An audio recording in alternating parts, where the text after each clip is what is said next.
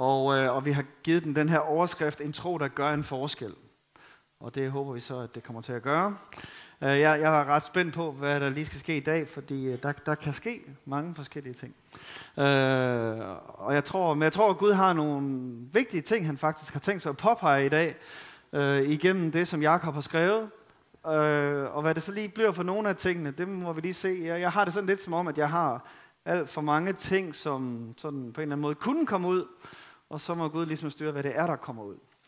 Uh, nu har vi de sidste par søndage her, der har vi, allerførst skal vi jo lige sige, Jakobs brev, det er jo lidt specielt, fordi vi har jo at gøre med et brev skrevet af Jesu bror eller halvbror.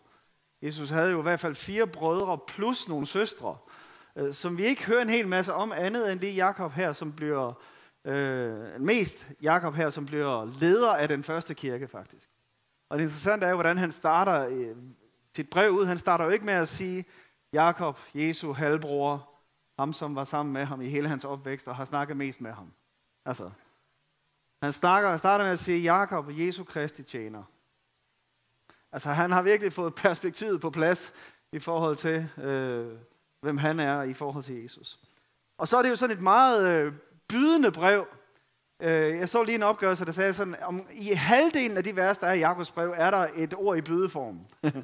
så, så der er rigtig mange sådan, det er det, og det, og det, det, det, gør nu det her, gør nu det her, gør nu det her. Øh, og samtidig så er der rigtig meget på en eller anden måde også blødhed og guld i det også. Vi har nu hørt to søndage. Den ene, første søndag var Kevin, der talte om øh, med, med overskriften, er det tanken, der tæller? Altså er det nok, at jeg tænker godt? Hjælper det nogen, at jeg tænker godt? Eller bliver vi ikke også nødt til at handle på det? Bliver vi ikke nødt til, hvis det skal gøre en forskel, at omsætte vores tro til handling, og sørge for, at det faktisk gør en forskel i menneskers liv? Og så øh, hørte vi i søndags fra Bergo om det her med rig og fattig, og hvad forskel gør det, og hvordan ser Gud lige på det, og hvad er faldgrupperne i, i det? Og nu skal vi så prøve at se lidt mere på det indre, og ikke så meget de der ydre ting, vi gør over for andre mennesker, men mere det, der sker inde i os. Og øh, overskriften er simpelthen modgang. Jubi! Jeg ved ikke, jeg har sådan et indtryk af, at vi nogle gange, sådan, når vi præsenterer, hvad kristendommen går ud på, så får vi præsenteret sådan et rimelig rosenrødt billede, hvor du skal bare øh, lukke Jesus ind i dit liv, og så bliver alt godt. Og så kommer vi til at svæve på en lyserød sky, og han sørger for, at vi ikke støder vores fod imod nogen sten. Og vi kan godt finde alle mulige skriftsteder, sådan, der ligesom taler den vej og siger, I hvor bliver det godt det hele. Han dækker bord for mig. Ikke? Og hvad vi ellers kan finde af gode skrifter. Og der er også en helt gren af kristenheden, som, som, øh, som sådan taler meget om herlighed og fremgang og prosperity og sejr, og det skal gå godt osv. Og jeg vil bare lige sige, at, at hvis det er de der budskaber, øh, nogen har fortalt jer, så har I fået med at vide af mennesker, der ikke har læst hele Bibelen. Men kun en del af Bibelen. Fordi det er fuldstændig rigtigt, at der er alle de der ting, men der er sandelig også rigtig meget andet. Og øh, jeg tror ikke, du kan finde øh, et eneste menneske i Bibelen, som bare sådan løber igennem det uden modgang. Og øh, faktisk så er det, synes jeg, sådan, at de, de mest prøvede mennesker, jeg møder, er enten bitre, eller dem, der ligner Jesus mest. Altså der, hvor du virkelig bliver prøvet, der står du med chancen til at kunne blive bitter, eller chancen for at kunne faktisk møde Gud i det. Og, øh, og det siger Jakob noget om, og han lægger sådan ret hårdt ud, det er jo i kapitel 1, han lægger ret hårdt ud og siger sådan her, kære venner, når I kommer ud for mange forskellige vanskeligheder og problemer, så glæder jeg over det. Ja, okay, tak. Øh, kære venner. Og Jakob har haft sin del af problemer. Altså det er ikke sådan, at det er let sagt det her. Han ender jo faktisk med at dø som martyr. Øh, tænk bare på alle de problemer, det må give at vokse op med Jesus som storebror. Men, altså. men der er masser af den her slags vers i Bibelen. Og, øh, og rigtig meget, også i det, specielt i det nye testamente. Faktisk, der er en, der har sagt det sådan, Øh, Francis Bacon, han har sagt det sådan, at, at prosperity is the blessing of the Old Testament, adversary is the blessing of the New Testament. Altså, fremgang er den velsignelse, der lås i det gamle testamente, modgang er den velsignelse, der lås i det nye testamente. Og der er faktisk noget rigtigt i det. Øh, og heldigvis så tror vi også på det gamle testamente, så vi har begge dele med. Lad mig bare lige, øh, bare lige sådan tage et par eksempler på det. Jesus siger i Matthæus 5, Velsignet er de, der bliver forfulgt, for de gør Guds vilje. De skal fordele Guds rige. Velsignet er I, når man håner og forfølger og bagtaler jer, fordi I tror på mig. Glæd jer af hele jeres hjerte. For I får en stor løn i himlen, sådan forfulgte man også profeterne før jer. Så kommer vi til apostlenes gerninger, hvor disciplene så skal til at leve det ud, Jesus har sagt. Apostlenes gerninger 5.41 efter at de var blevet pisket og slået og alt muligt. Og de gik fra stedet fyldt med glæde over, at Gud havde regnet dem for værdige til at lide for Jesus skyld. De gik fra stallet fyldt med glæde over, at Gud havde regnet dem værdige til at lide for Jesus skyld. Og vi har jo Paulus og Silas historien længere hen i Apostlenes Gerne, slået og pisket og i det inderste fangehul, og ved midnatstid begynder de at lovsynge. Peter siger sådan her, Elskede venner, I skal ikke undre jer over den ildprøve, I gennemgår, som om det er noget mærkeligt, der sker med jer. Nej, glæd jer over at få lov til at lide på samme måde, som Kristus led, for så kan I også glæde og fryde jer over at møde ham, når han kommer i al sin herlighed. Så, I skal ikke undre jer over, at der er modgang. I skal ikke undre jer over, at der er forfølgelse og problemer. Det er helt naturligt. Det er ikke noget mærkeligt. Paulus siger det sådan her i Romerbrevet 5. Men ikke bare det, vi glæder os endda over at blive forfulgt. Og så siger han sådan her i 2. Timotheus 3:12. Alle, der ønsker, alle, der ønsker at tjene Jesus Kristus og leve et gudfrygtigt liv, vil blive forfulgt. Sådan er det bare. Altså, det er hans ord. Sådan er det bare. og øh, nu, når vi snakker modgang, så snakker vi ikke kun sådan lige forfølgelse, og hvis man lever i Nordkorea og ikke må være kristen. Modgang generelt er en del af livet. Og jeg har egentlig bare tre ting, tre pointer, jeg gerne vil øh, forhåbentlig få frem i dag. Og det er de her tre. Nu får I dem alle tre til at starte med. I får dem alle tre til at starte med. Det plejer jeg ikke at gøre. I får alle tre til at starte med. Så ved I, hvad vi har i vente, ikke? Så, life sucks. Sometimes. Not God. Ever. Or deal with it and get on with life. Jeg tog dem lige på engelsk, fordi det lyder meget bedre på engelsk. Altså, livet er noget skøjet en gang imellem. Det er ikke Guds skyld, at livet er noget skøjet. Og hvad gør vi så ved det? Lad os få gjort noget ved det, når livet er noget skøjet. Det er de tre pointer, jeg har tænkt mig at sige lidt om. Ud fra det, Jakob siger her i kapitel 1 i hans brev. Er det okay med jer? Så okay, life sucks sometimes. Vi har lige set på, at det siger Bibelen en hel del om, at det gør den faktisk en gang imellem. Så altså, når I kommer ud, når, ikke hvis, men når I kommer ud for mange forskellige vanskeligheder. Mange forskellige. Mange artede, mange farvede er i virkeligheden det ord. Heldigvis, så et af de få andre steder, hvor det ord blev brugt, det er 1. Peter 4,16, hvor der står, at som gode forvalter af Guds mangfoldige nåde. Så Gud han har en mangeartet, forskellig nåde til alle vores mangeartede, forskellige problemer. De to ting korresponderer heldigvis. Men der er mange forskellige vanskeligheder. Der er relationsvanskeligheder, ikke? der er helbredsvanskeligheder, sygdom, der er vanskeligheder på jobbet og i familielivet og inde i dig selv og udefra og forfølgelser og tankebygninger og fristelser og masser. Ikke? Ikke? Ja. Ordet for prøvelser her er et græsk ord, pyrasmos, som i virkeligheden bare betyder, den, den bedste nutidige oversættelse vil nok bare være test. Tests. Afprøvninger.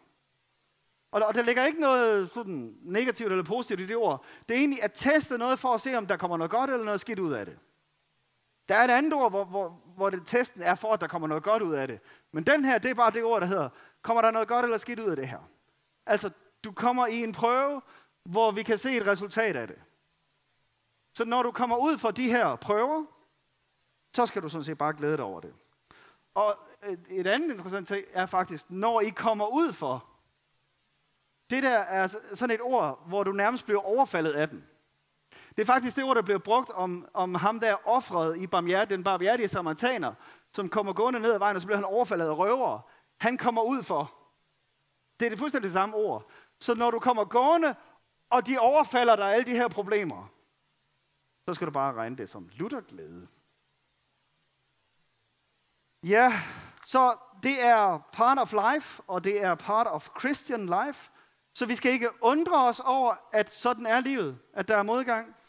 Vi skal heller ikke benægte det. Og det kan vi godt nogle gange, i, specielt i vores del af kristendommen, have en tendens til. Og sådan en positiv bekendelse. Nej, jeg er ikke syg. Jo, du er syg. Du bliver ikke mindre syg af at sige, at du ikke er syg. Nej, jeg har ingen problemer. Og nej, jeg mangler ikke penge. Og nej, jeg... Altså, det er jo sådan, Kristen Poulsgaard fra Fremskridspartiet. Hvis det er fakta, så benægter jeg fakta. Altså, det er det, vi gør nogle gange, og det er faktisk ikke det, vi får at vide, vi skal gøre. Ikke benægte fakta. Og faktisk er Bibelen fyldt med at sige, det er fakta, at det er en del af livet. At der er modstand og problemer og vanskeligheder. Mange forskellige artede af dem endda. Det er en del af livet. The struggle is real. Så man kunne måske endda sige, byde det velkommen, eller i hvert fald få lige noget perspektiv på det. Allerførst, sådan her er det bare. Så er der den anden del her. Not God. Som jeg også lige kunne tænke mig at sige lidt om. Øhm, fordi nogle gange så har vi den der teori om, at, at det er nok Gud. Ikke? Det er, jo, det er jo, jeg skal jo være glæde mig over det, så må det være noget, Gud har sendt mig. Jeg er, er nok i den her situation, fordi Gud vil prøve mig.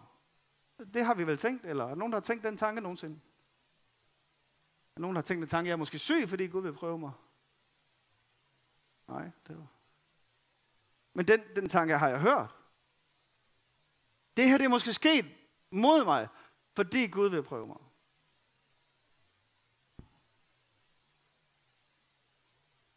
Det her, det var vers 2 og 3, vi læste, eller 2, vi læste lige nu. Han, han fortsætter tanken, han siger i mellemtiden noget om, øh, den der mulighed, som modstanden giver, det skal jeg komme tilbage til. Så siger han noget om, at vi skal søge visdom hos Gud. Han siger lidt om rige og fattige. Og så vender han tilbage til temaet her. Øh, og siger sådan her i vers 12 eller 13. Men ingen, som bliver fristet, må sige, jeg bliver fristet af Gud, for Gud kan ikke fristes af det onde, og selv frister han ingen. Og nu står der jo fristet. Og, øh, og jeg har ikke tal på, hvor mange kommentarer jeg nu har læst på det her kapitel. Og alle sammen prøver på på en eller anden måde at sige, der står jo, at vi skal glæde os over prøvelserne. Så prøvelser kan godt være noget, Gud sender, men fristelser, det er selvfølgelig fra det onde. Så, så den der skældning imellem prøvelser og fristelser, det er bare det samme ord. Så når det er oversat med fristelser her, så er det for ligesom at prøve at sige, Gud kan jo godt prøve os, men han kan ikke friste os. Så, så i virkeligheden, men ingen, som bliver prøvet, må sige, jeg bliver prøvet af Gud. For Gud kan ikke prøves succesfuldt i hvert fald af det onde, og selv prøver han ingen succesfuldt. Altså. Den bliver lidt mere kraftig så, ikke? Ingen, som bliver prøvet, må sige, at jeg bliver prøvet af Gud. Jamen, står der ikke, led os ikke i fristelse? Eller prøvelse? Øh, jo, det gør der i hvert fald i den autoriserede oversættelse, men øh, Ivar, han har heldigvis været så klog, at han har prøvet at oversætte det, som det nok skal forstås. I den hverdagsdanske står der, det er derfor, jeg har indsat succesfuldt her. I den hverdagsdanske, der står der der i fader, hvor lad os ikke bukke under for fristelsen. Og det der lad os faktisk, så skulle det måske være, tillad os ikke at bukke under for fristelsen. Og jeg ved ikke, om I nogensinde har tænkt over, hvad det næste vers er i fadervor, den næste del af fadervor. Fri os fra det onde. Men fri os fra det onde. Så det er altså ondt. Det er ikke sådan, at Gud han leder os ind i fristelsen, og så skal han fri os fra det, vel? Det giver ikke ret meget mening. Så den her hverdagsdanske oversættelse, lad os ikke bukke under for fristelsen. Tillad os ikke at bukke under for fristelsen, men fri os fra det onde, giver på en eller anden måde lidt bedre mening. Men, men, men er der ikke nogen steder i det gamle testamente, hvor Gud prøver Israel for eksempel? Jo, det, det er der jo faktisk. Men nu står der jo her, at ingen må sige, at man bliver prøvet af Gud. Hmm. Og jeg tænker måske, at Jesus kan være lidt en nøgle til at forstå det her, fordi Jesus bliver jo også fristet, prøvet. Kan vi godt huske, ikke? Og hvad er det, der sker der? Det interessante er, at der står, at Helligånden leder ham ud i ørkenen. Og ude i ørkenen bliver han prøvet af djævlen. Og så står der, at så vendte han tilbage i Helligåndens kraft, efter han var kommet ud af den her prøvelse. Så det er Helligånden, der leder ham jo til det sted, hvor han bliver prøvet. Men det er ikke Helligånden eller Gud, der prøver ham. Og man ikke det i virkeligheden er det samme, der sker i vores liv og i israeliternes liv og alt det, vi kan læse i Bibelen. Gud han leder os jo, og han leder os ikke uden om alt, hvad der kan være svært. Der er sådan en eller anden øh, engelsk øh, prædikant, der har den der, if God led you to it, he can lead you through it. Altså, hvis Gud han har ført dig herhen, hvor det her problem også er, så skal han også nok lede dig igennem det. Men det betyder ikke, at det er ham, der har sendt det. Det er jo sådan et sted, der godt måtte være et amen, altså, som betyder, ja, det er rigtigt. Så Gud kan godt føre os ud i situationer, hvor vi så oplever, at vi bliver fristet og prøvet. Og nu skal vi lige huske, at vi ikke er Jesus. At, at, faktisk så er der det næste vers her, taler om, lad nu være med at sige, at I bliver fristet af Gud. Det er jeres eget begær, jeres egne lyster. Det, I har lyst til at gøre, det er i virkeligheden det, der frister jer. Så lad, lad nu være med at blame Gud, når det i virkeligheden er noget inde i dig selv. Eller i virkeligheden er Satan, som det var i Jesu tilfælde. Hvordan kan vi for øvrigt jo bekæmpe Satan, hvis vi tror, det er Gud, der har sendt det? Kan I ikke godt se, at det bliver vanskeligt? Jamen Gud, tak for den sygdom, du sendte mig.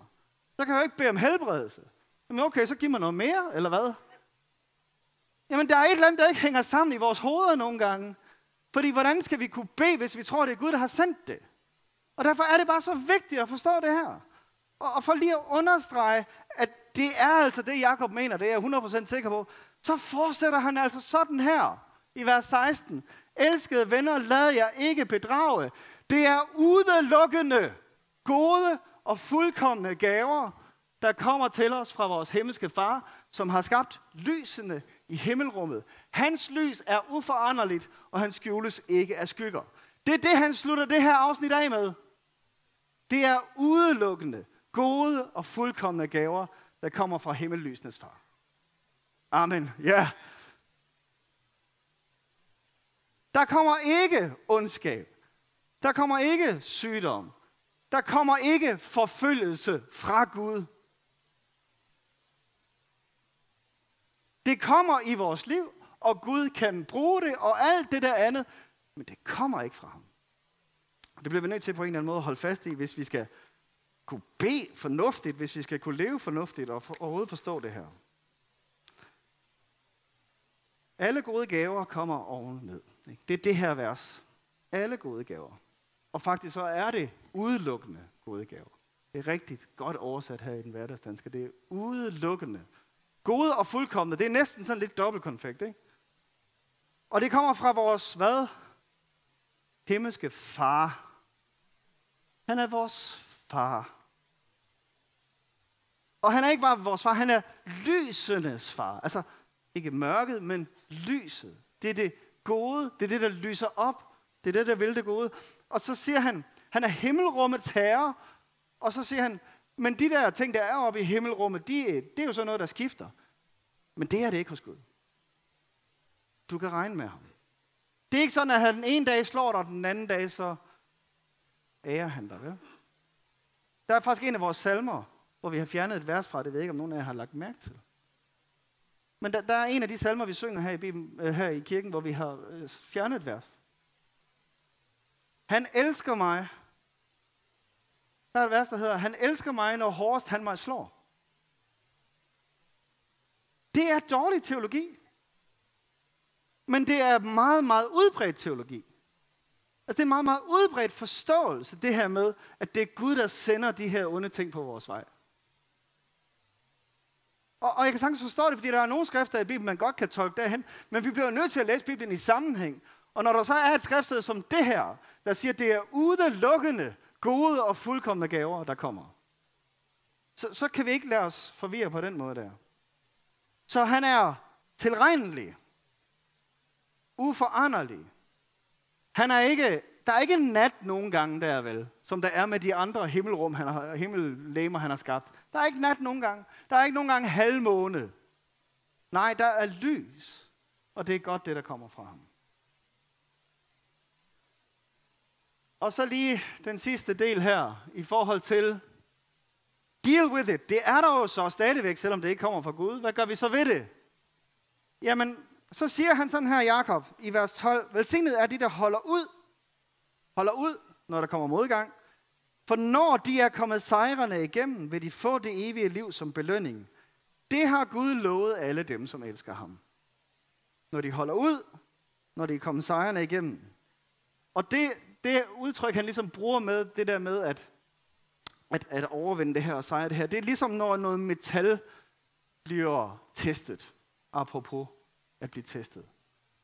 Når noget metal skulle testes, så varmede man det jo op. Fordi så skiller det så ud i, hvilke metaller det består af. Plus at alle urenhederne kommer op til overfladen. Og øh, det er det, der sker i vores liv også, ikke? At når der kommer varme på i vores liv, når vi bliver presset, når vi kommer i de der situationer, så opdager vi, hvem vi i virkeligheden er. Så der er helt klart en eller anden effekt også fra Guds side, at, at han i det der viser os, hvem vi i virkeligheden er. Hvad er det i virkeligheden, vi indeholder? Kender I godt det? Det er let at holde overfladen, når alt kører. Det, det er let at få det hele til at virke pænt og godt, og jeg har styr på livet. Og det er først der, hvor problemerne kommer, hvor vi krakelerer lidt, ikke? hvor det viser sig, hvad er det i virkeligheden? Og måske viser det sig ikke kun for mennesker omkring dig og dine sociale medier, men også for dig selv, hvad det er, du i virkeligheden indeholder. Og det er jo derfor, han siger, vær nu glad, når det her kommer. Fordi det tester jeg, det afprøver jeg. Og det er jo ikke fordi, tror jeg, at Gud ikke ved, hvad vi indeholder. Det er fordi, vi ikke ved, hvad vi indeholder. Og hvis vi gerne vil være med ligesom ham, så bliver vi nødt til først at erkende, hvem vi er. Vi hopper lige tilbage til vers 3, fordi der fortsætter han jo med. Efter han har sagt, når I kommer ud for prøvelser af mange slags, så skal I glæde jer. Fordi I ved jo, at når jeres tro prøves, skaber det udholdenhed. Og udholdenheden skal føre til fuldendt værk, hvor det kan være fuldkommende og helt støbte, apropos, og ikke stå tilbage i noget. Så deal with it. Det er der jo alligevel, ikke? Modstand giver styrke, det har jeg sagt adskillige gange, og det er ikke fordi, jeg går i fitness, men det er der nogen af jer, der gør. Og I ved godt, at hvis I øh, løfter alle de der vægte, eller trækker i alle de der maskiner, uden vægt på, så kan det godt se fint ud, men der kommer ikke nogen muskler ud af det. Og det er jo fuldstændig det samme her i livet. De mest forfærdelige mennesker at være sammen med, det er jo sådan nogle snot forkalede unger, der har fået det hele serveret og aldrig oplevet modgang her i livet. Altså, fordi det bliver man ikke moden af. Vi bliver moden af de ting, vi kommer til at gå igennem, som er svære. Altså, enten bliver vi bitter eller bedre, ikke? Det er det, jeg sagde fra starten af. Enten så oplever du, at mennesker bliver bitre af det, eller så bliver de bedre af det. Og det handler jo om, om vi arbejder sammen med Gud i den proces her, eller vi ikke gør det. Øh, udholdenhed er også et fantastisk ord. Jeg tror, Camilla kommer til at sige lidt mere om det næste gang. Men i virkeligheden så betyder næste søndag. I virkeligheden så betyder ordet bare at blive under. Så I behøver udholdenhed. I behøver at blive under. I behøver at holde fast under det her. Og ikke være en quitter. Hold fast. Bliv under. Og ikke bare sådan en, en passiv tålmodighed, at jeg venter det ud, men, men Romerbrevet kapitel 8, hvor Paulus han siger, men under alt dette, når han har talt om alle hans problemer, alle hans vanskeligheder og alle hans angreb imod ham, så siger han, men under alt dette, mere end sejrer vi ved ham. Det, det er simpelthen også det, der ligger i det ord her, udholdenhed. Det er ikke bare sådan et passivt, jeg holder det ud ord. Det er perseverance, det er, jeg overvinder det. Jeg holder det ud og overvinder det. Det er det, der ligger i det. Og så skal det føre til, eller så skaber det. Prøvelsen skaber den her udholdenhed. Og så står der, at det skal føre til en masse ting her. Ikke? Det skal føre til fuldendt værk. Altså noget, hvor processen er helt færdig her. Så I kan være fuldkommende, modne, bliver nogle gange brugt om det. Så I kan være helt støbte. Det betyder i virkeligheden, det er et ord, som i virkeligheden betyder at have alle stykkerne. Altså, nogle gange så taler man om, at det er ikke alle mennesker, der har alle brækker og sådan noget. Ikke? Der er nogen, der mangler nogle brækker og sådan noget. Det han siger her, I skal have alle brækkerne. Øh, og det andet, faktisk det andet ord, fuldkommende, det, der taler vi nogle gange om, at nogen ikke er bagt helt færdig. Og det er faktisk det modsatte her. Ikke? Du er bagt helt færdig, og du har, du er blevet moden. Du har alle stykkerne, og du er også blevet moden. Og du skal ikke stå tilbage i noget. Altså, er der nogen, der gerne vil have de fire ting der? Jeg vil ikke stå tilbage i noget. Jeg har alle brækkerne. Jeg er bagt helt færdig. Jeg er fuldmoden. Det er fuldendt, det jeg er i gang med her. Yes, okay, så lad os spole tilbage. Hvad var det, der skulle til for at få det? Prøvelserne, testene i dit liv, er det, som gør, at vi når derhen. Fordi hvad er det, så nogle prøvelser giver os? Det, så giver det os perspektiv på tingene. Ikke? Det, det, det er der, vi ser forskellen på, hvordan jeg har det med Gud og uden Gud, hvordan jeg har det i forhold til andre mennesker, hvordan jeg, hvad der betyder noget i mit liv, og det giver perspektiv. Den anden ting, der gør det, den giver afhængighed. Jeg finder ud af, at jeg har brug for Gud. Noget af det, som Bibelen slår allermest hårdest ned på, det er selvretfærdighed. Ikke? Der, eller, eller der, hvor selvtilstrækkelighed. Der, hvor vi tænker, det kan jeg nok godt selv klare det her. Og whoops, så kommer vi heldigvis ind i noget modgang, hvor vi opdager, at det kan vi ikke selv klare. Og det er i virkeligheden det, det, det handler om at blive kristen, handler jo om at tage alle tøjlerne fra ens liv og lægge over i Guds hænder og sige, jeg kan ikke selv styre det her. Og det er rigtig svært for os danskere, fordi vi tænker, vi har styr på det, og vi kan godt, og der er ingen, der skal blande sig i vores liv og alt det der. Men, men hvis vi nu lige kiggede lidt ind i vores liv, så vil vi opdage, at vi ikke har styr på det. Hvis vi var lidt ærlige med os selv, vil vi opleve, at vi ikke har styr på det. Jeg har nogle gange, specielt når jeg snakker med folk, der ikke er kristne, så stiller jeg nogle gange spørgsmål. Jamen, hvad er det lige inden du går i seng? Hvad ligger du og tænker på så? Eller måske lige når du vågner, hvad er det, du ligger og tænker på? For det er tit der, vi sidder og har de store spørgsmål i livet, ikke? Gør det nogen forskel, det liv, jeg lever? Betyder det noget? Og hvor, hvor godt klarer jeg det egentlig selv? Og er jeg lykkelig? Og alle de der spørgsmål. Og hvis vi sådan lige vil være lidt ærlige med os selv, så kan vi ikke selv klare det. Og det er den erkendelse, man skal nå til, og det er derfor, at rigtig mange mennesker bliver kristne i livskriser. Fordi det er der, vi er nået to the end of ourselves, og fundet ud af, at jeg kan ikke selv klare det. Så, her Gud. Det er det, det betyder at gøre Jesus til herre i mit liv. Og det er ham, der bestemmer.